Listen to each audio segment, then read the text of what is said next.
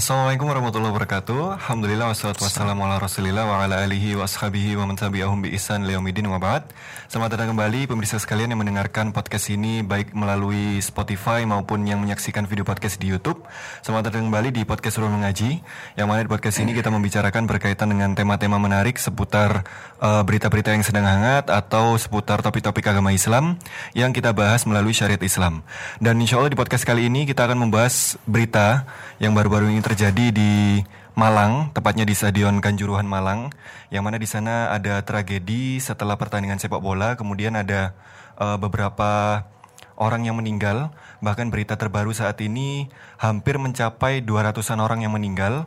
Dan di podcast kali ini kita kedatangan guru kita yaitu Ustadz Wahyu. Kita sapa terlebih dahulu beliaunya. Assalamualaikum Ustadz. Waalaikumsalam warahmatullahi wabarakatuh. Sehat Ustadz ya? Alhamdulillah sehat. Antum sehat Mas? Alhamdulillah. Insyaallah. Nah, ini berkaitan dengan tragedi yang baru aja terjadi Ustaz. Iya. Uh, setelah Viral ya, pertandingan Masya viral. Setelah Jadi pertandingan Persebaya versus Arema, kemudian ternyata memang Arema kalah di situ Ustaz. Kemudian Hmm, Aremania turun ke lapangan, terjadi bentrok dengan kepolisian.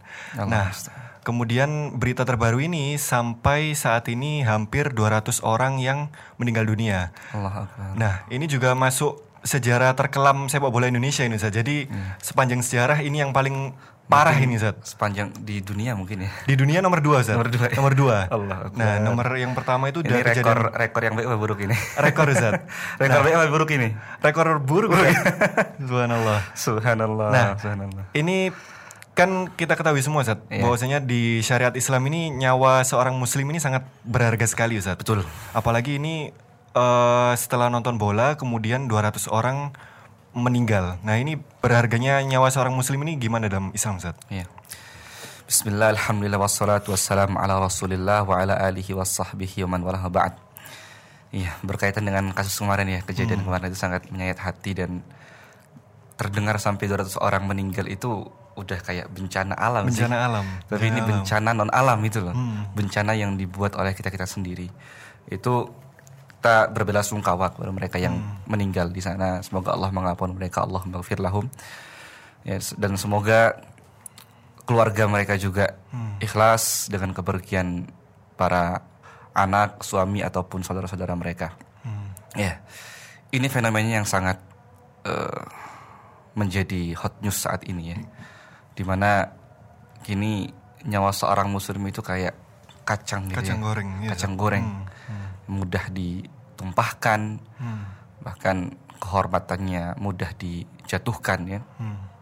Terus bagaimana sih Islam itu dalam menghargai dan juga maukifnya apa namanya sudut pandang Islam terhadap nyawa seorang muslim. Tentunya nyawa di dalam Islam itu merupakan hal yang sangat dijunjung tinggi. Hmm.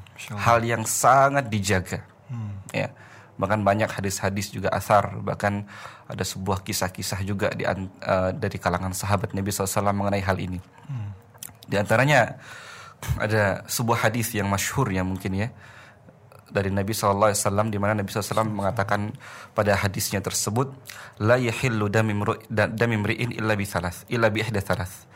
Nyawa seorang muslim itu tidak boleh dijatuhkan sama sekali. Jadi asalnya nyawa seorang muslim itu suci gitu. Suci. Hmm. Tidak boleh jatuhkan, tidak boleh tumpahkan, tidak boleh dibunuh seorang muslim itu.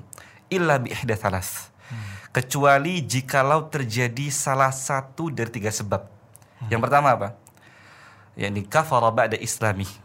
Seseorang itu kafir setelah Islamnya. Kemudian Murtad tidak ya, mau ya? murtad. Hmm. Kemudian tidak mau diajak Islam lagi seperti dulu pada zaman Abu Bakar As-Siddiq ya. Hmm. Banyak murtadin, banyak ridah di situ. Yani kafara ba'da islamihi. Au zana ba'da ihsa, ihsa, ya, ihsanihi. Dia berzina setelah dia menikah. Hmm. Dihukum rajam. kan ya. Seperti yang kita ketahui.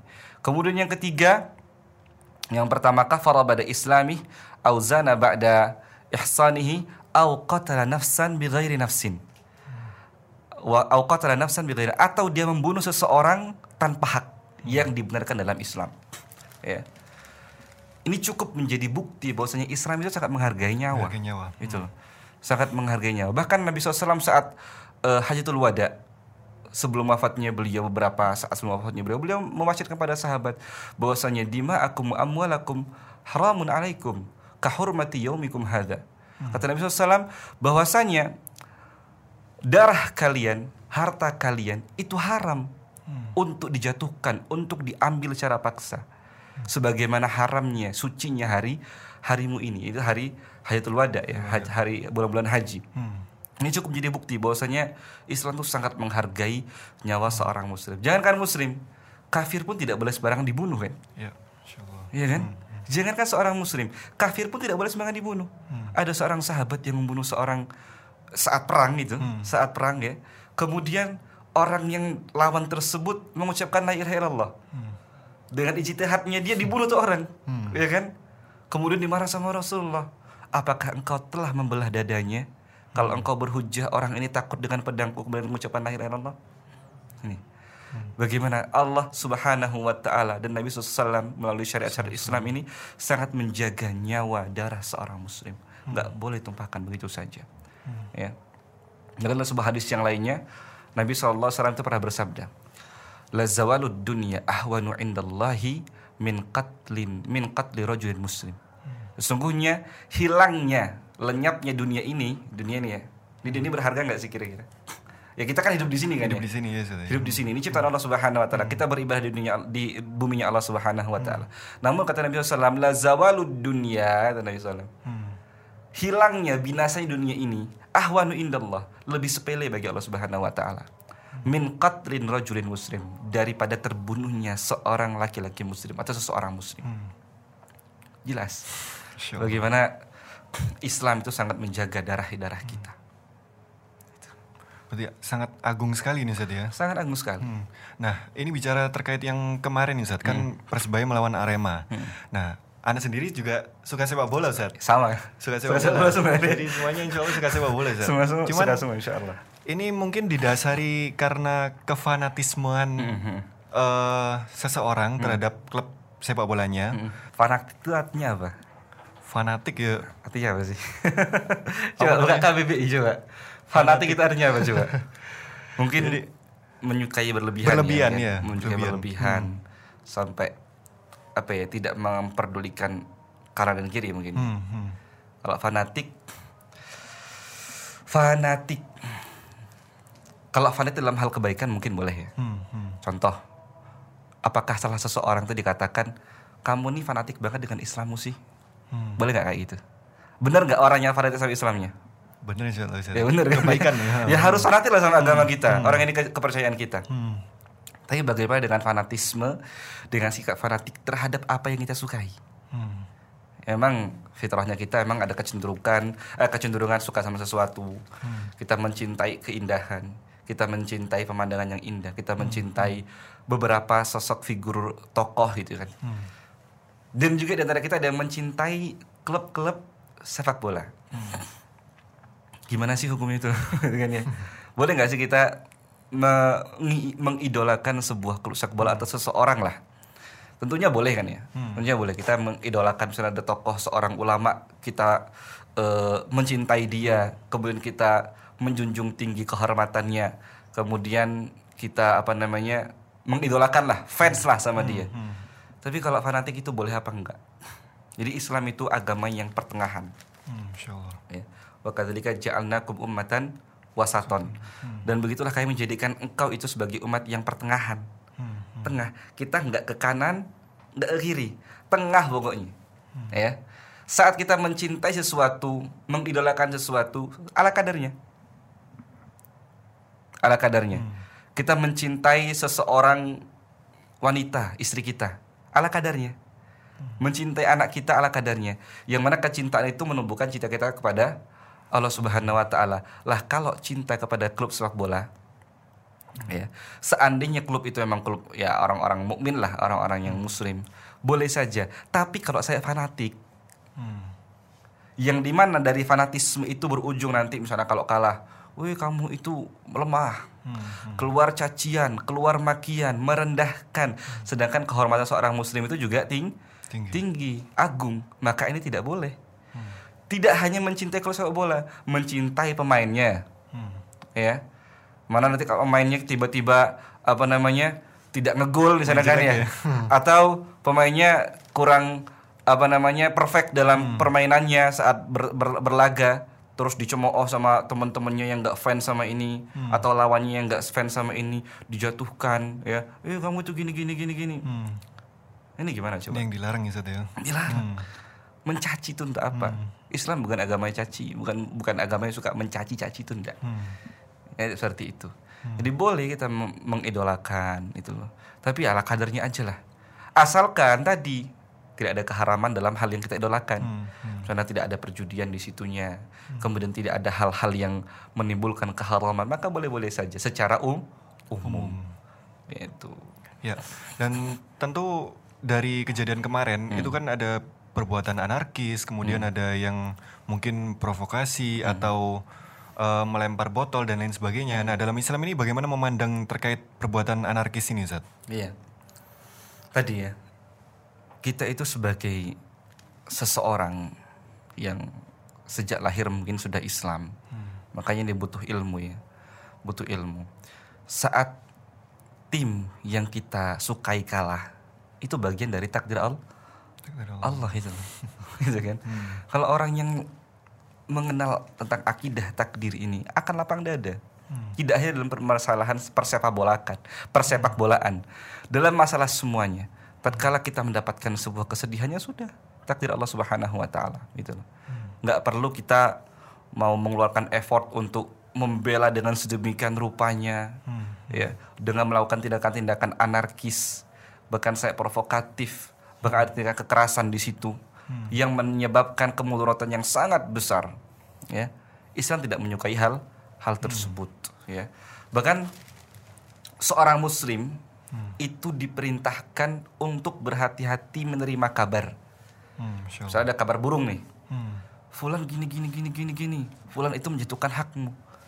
Disuruh apa? Fatabayyanu. Hmm. Ya kan? Tabayun dulu. Tabayun. Betul nggak tuh khobar? Takutnya ya, kalau nggak tabayun langsung emosi, mencak-mencak marah, Hmm. tiba-tiba berbuat anar anarkis. Itu tandanya apa? Islam mengajarkan kita berhati-hati Hmm. ya jangan langsung mengedepankan ego jangan langsung mengedepankan amarah bahkan orang yang paling kuat itu bukan orang yang suka bal-balan bukan Hmm. bukan orang yang kejim tiap ahadnya bukan Hmm. ya tapi orang yang paling kuat adalah apa orang yang bisa mengendalikan amarahnya. Jadi Islam itu sangat jauh dari kata anarkis. Hmm. Ustaz tapi kan ada orang yang bilang Ustaz Islam itu suka perang. Siapa yang bilang Islam suka perang? Ya. Orang Islam menawarkan Islam sendiri itu ke Romawi itu dengan apa? Surat dulu. Surat. bahkan dalam surat Nabi SAW itu ada Bismillahnya Bismillahirrahmanirrahim. Assalamu ala man ittaba'al huda. Masih ada sisi rahmahnya ya ada sisi kasih sayang dari Islam Hmm. tidak langsung serta merta tumpas potong kepalanya ya ledakan diri enggak enggak seperti itu Hmm. Islam agama yang rahmah Islam agama yang mencintai perdamaian Hmm. di anti anarkisme enggak itu bukan dari Tidak kita ada. Jadi Islam sangat melarang anarkisme ya? Sangat Di mana saja, ya? di mana saja dalam Hanya hal di apa pun lapangan tawuran dan lain sebagainya, Dalam hal demo apa pun. dan seterusnya di tidak diperbolehkan Nah, kalau secara umum Ustaz, ini kan kemarin menyangkut sepak bola Ustaz. Mm. Nah, sebenarnya kalau hukum secara umum menonton sepak bola, mungkin dari stadion atau dari TV atau kita main sepak bola sendiri, ya ini dalam Islam gimana Ustaz? sukain bola enggak Suka sekali Ustaz. sukain bola Semuanya suka, suka sekali. ya nonton bola suka enggak Nonton bola juga. Ayo, Highlight kemarin- kami Ustaz. highlightnya ya Highlightnya Ustaz. kemarin pertandingan apa terakhir itu Kemarin City sama MU Ustaz. Iya. Tahu semua ya. Itu cara saya mengetes anak-anak mahasiswa itu kalau di kelas. Mereka ini belajar gak malamnya. Kalau lagi ada buat tak tanya. Sok-sok kita apa namanya fanatik juga sama bola. Tadi malam skor MU ya. berapa? ya kalau mereka menjauh oh, berarti nggak belajar ini. Kalau yang nggak merojaah. Oke, balik lagi. Gimana sih hukumnya kita itu apa namanya menonton bola atau bahkan bola, bermain bola? bermain bola. Jujur, saya juga suka main bola. Saya juga suka main futsal. Ya. Hmm. ya banyak lah kaum muslimin suka, suka main main futsal, main Hmm. bola. Itu gimana hukumnya? Atau menontonnya kan? Menonton. Hmm. Itu hukumnya gimana? Syekh Al Albani rahimahullahu taala pernah ditanyakan oleh seseorang, "Mas syurut uh, jawaz la'biqatul qadam?" Apakah syarat-syarat diperbolehkannya seseorang itu boleh bermain sepak bola atau menontonnya? Ya. Kata Syekh Al Albani rahimahullahu taala, ya yang pertama seseorang itu boleh bermain sepak bola atau dia menonton atau bermain sepak bola dulu ya, bermain sepak bola. Asalkan yang pertama dia niatkan main sepak bola untuk kebugaran, untuk menguatkan Fisik ya. Tubuh, menguatkan fisik. Karena apa? Al muslimu qawi ahabillah min muslim dhaif ya. Orang muslim yang kuat itu lebih disukai oleh Allah Subhanahu lebih dicintai oleh Allah Subhanahu wa taala dari muslim yang yang lemah ya, termasuk itu lemah kuat imannya ya, kuat fisiknya dan lain-lainnya. Ar- Artinya umum ya. Nah, diniatkan bersepak bola tadi untuk meraih kebugaran, untuk berolahraga, untuk menyehatkan badan. Ini yang pertama. Sehingga nanti tatkala dia beribadah nggak sakit-sakitan, nggak males-malesan ya. Yang kedua, syarat kedua seseorang itu boleh bermain sepak bola harus menutup aurat atau tidak boleh ada keharaman dalamnya. Tidak boleh ada aurat, em, buka aurat, tidak, tidak boleh ada perjudian, taruhan dan lain sebagainya ya. Kemudian yang ketiga, di antara syarat seseorang itu boleh bermain, bermain eh, sepak bola atau bermain futsal yaitu tidak adanya hal-hal yang memancing tindakan anarkis. Hmm, ini penting Ustaz ya. Hmm. Tidak boleh ada hal-hal yang mengundang kega kegaduhan, ya. Maka jikalau semua syarat ini terpenuhi, ahlan sahlan silakan. Hmm, boleh Ustaz ya. Namun jikalau ada nanti kemungkinan anarkis, kalau dulu saya itu eh, main futsal pas dulu zaman-zaman dulu sebelum hijrah itu, pokoknya kalau ngegol, uh itu kita bersorak ria, kemudian ngece-ngece dan ngece Iya, apa? provokasi Mem- ya. yang memprovokasikan tim lawan. Tim lawan. sampai marah bahkan sering taburan ya kan? Nah, ini tidak berbolehkan nah jika Hmm. syarat-syarat itu terpenuhi silakan. Jadi niatnya diluruskan kemudian apa namanya Tutup eh, tutup aurat Hmm. dan tidak ada keharaman di situ. Kemudian yang ketiga apa tadi terakhir tadi? Eh, tidak menimbulkan kegaduhan Ustaz. tidak menimbulkan kegaduhan tidak provokatif. Hmm. dan yang terakhir yang keempat ya tidak boleh sampai melalaikan seseorang dari hal yang lebih wajib bukan lebih wajib dari hal yang wajib, Hmm. Wajib. misalnya malam nih main sampai Hmm. jam 11 malam main futsal eh subuhnya bangkong ya, Kelewat ya, Ustaz. kelewat Hmm. kemudian main futsal sampai tidak memperhatikan anak istri di rumah Hmm. Iya kan? Sampai bermalam-malam. Anaknya belum makan, istrinya belum makan, nggak ada apa-apa di rumah. Dia main futsal Sedangkan ya? dia main futsal sampai bayar loh patungan. Itu loh. Nah, itu tidak boleh. Ya, sampai melalaikan hal yang wajib atau me, me- menggugurkan hak seseorang yang ada di bawah naungan kita, istri kita, anak kita. Nah, jikalau hal ini terpenuhi, syarat-syarat ini terpenuhi, maka tafadhol. Boleh Ustaz ya. Boleh saja main bola. Allah. Jadi aman ini yang penyuka bola aman, ya, Aman, ya. ya. Asal syarat-syarat tadi terpenuhi ya Ustaz ya? terpenuhi nggak ada nggak boleh ada auratnya begitu juga nonton bola Hmm. ya nggak boleh ada judi bola ya Misalnya taruhan nih, kamu megang apa tuh? ya, aku pegang City, kamu pegang MU, ya kan? Ayo taruhan berapa? Kalau aku menang, aku ngeper tuh bola aja, ya. Kalau satu kosong, kamu menang, Sama. ya. Nanti kita bayar itu. Itu nggak boleh judi namanya, ya, judi. Atau yang lebih sepele lagi lah, mungkin banyak. Kita taruhan MU sama City, aku City, kamu MU. Nanti kalau aku kalah, aku beliin kamu mie, mie inilah gitu ya, mie Iya. ayam mati ya. Ini udah masuk judi ya, Itu Ustaz masuk ya? judi. Hmm. Karena ada pihak yang diuntungkan, ada pihak yang dirugikan dengan sebuah taruhan. Itu loh. Ini nggak boleh. Terus kalau ada yang buka aurat juga nggak boleh. ya. Sehingga saat ini ada nggak pemain bola ada, yang nutup auratnya? Udah ada ya, terus gimana Iya. itu, Mas? ya. Jadi pokoknya gitu. Kalau Hmm. tidak ada aurat yang terbuka, tidak ada keharaman dalamnya, maka ahlan Hmm. sahlan. Tafadhol. Silakan. Islam itu bukan agama yang suka ngekang. Hmm. Islam itu merapihkan. Merapihkan apa yang nggak rapi gitu loh. Jadi indah Islam itu. Nggak dikekang. Hus nggak boleh. Hus nggak boleh enggak. Nggak ada aturannya Ada ya? aturannya. Kita merapikan. Contoh kayak poligami. Masya Allah. Iya kan? Jauh sekali Ini Bahas dulu sebelum- poligami. Dulu sebelum sebelum ada Islam, orang bebas poligami itu, ya kan? Kemudian setelah Islam, matna, Wasulasa Uruba Jadi empat toh itu. Atasannya kan ya? Dirapikan sama Islam Ya kan? Perbudakan dulu kan. Orang Apa Asal-asalan gitu loh. Budaknya dizolimi. Islam datang Dirapikan itu. Ada hak-hak para budak Tidak boleh menzolimi budak Bahkan kalau ada budak wanita dinikahkan Alhamdulillah Insya Allah. itu loh Islam itu bukan agama yang serakang ya jemaah ya di Islam jangan kalian pasang stereotip dan sebuah perspektif Islam itu agama yang saklek banget agama yang sangat mengekang apa apa nggak boleh enggak tapi Islam itu merapih merapihkan Allah taala alam. Taib, Ustaz. Jazakallah Ya. khair Ustaz. Masya Allah atas penjelasannya. Baik, teman-teman sekalian. Itu tadi sudah dibahas oleh Ustadz Wahyu terkait eh, beberapa kejadian yang tadi atau kemarin malam sempat terjadi dan sekali lagi kita bahas berkaitan dengan gambaran umum ya Ustadz ya. Jadi tidak menyudutkan Iya. pihak mana pun baik dari klub bola maupun supporter maupun pihak keamanan kita Iya. pertengahan ya Ustadz Ya, ya. ini sebuah musibah lah. Musibah kalau ada kelalaian man- manusia semoga Allah maafkan mereka ya. Semoga semua itu tidak terulang lagi di masa yang akan datang. Taib. Dan tadi sudah disampaikan juga bahwasanya eh, terkait hukum menonton sepak bola dan hukum bermain sepak bola tadi ada batasan-batasannya dan semoga bisa mengambil manfaat dan semoga bisa kejadian kemarin bisa menjadi pelajaran bagi kita semua dan kami di sini juga turut berbela sungkawa semoga eh, semua yang meninggal diampuni oleh Allah Subhanahu wa taala.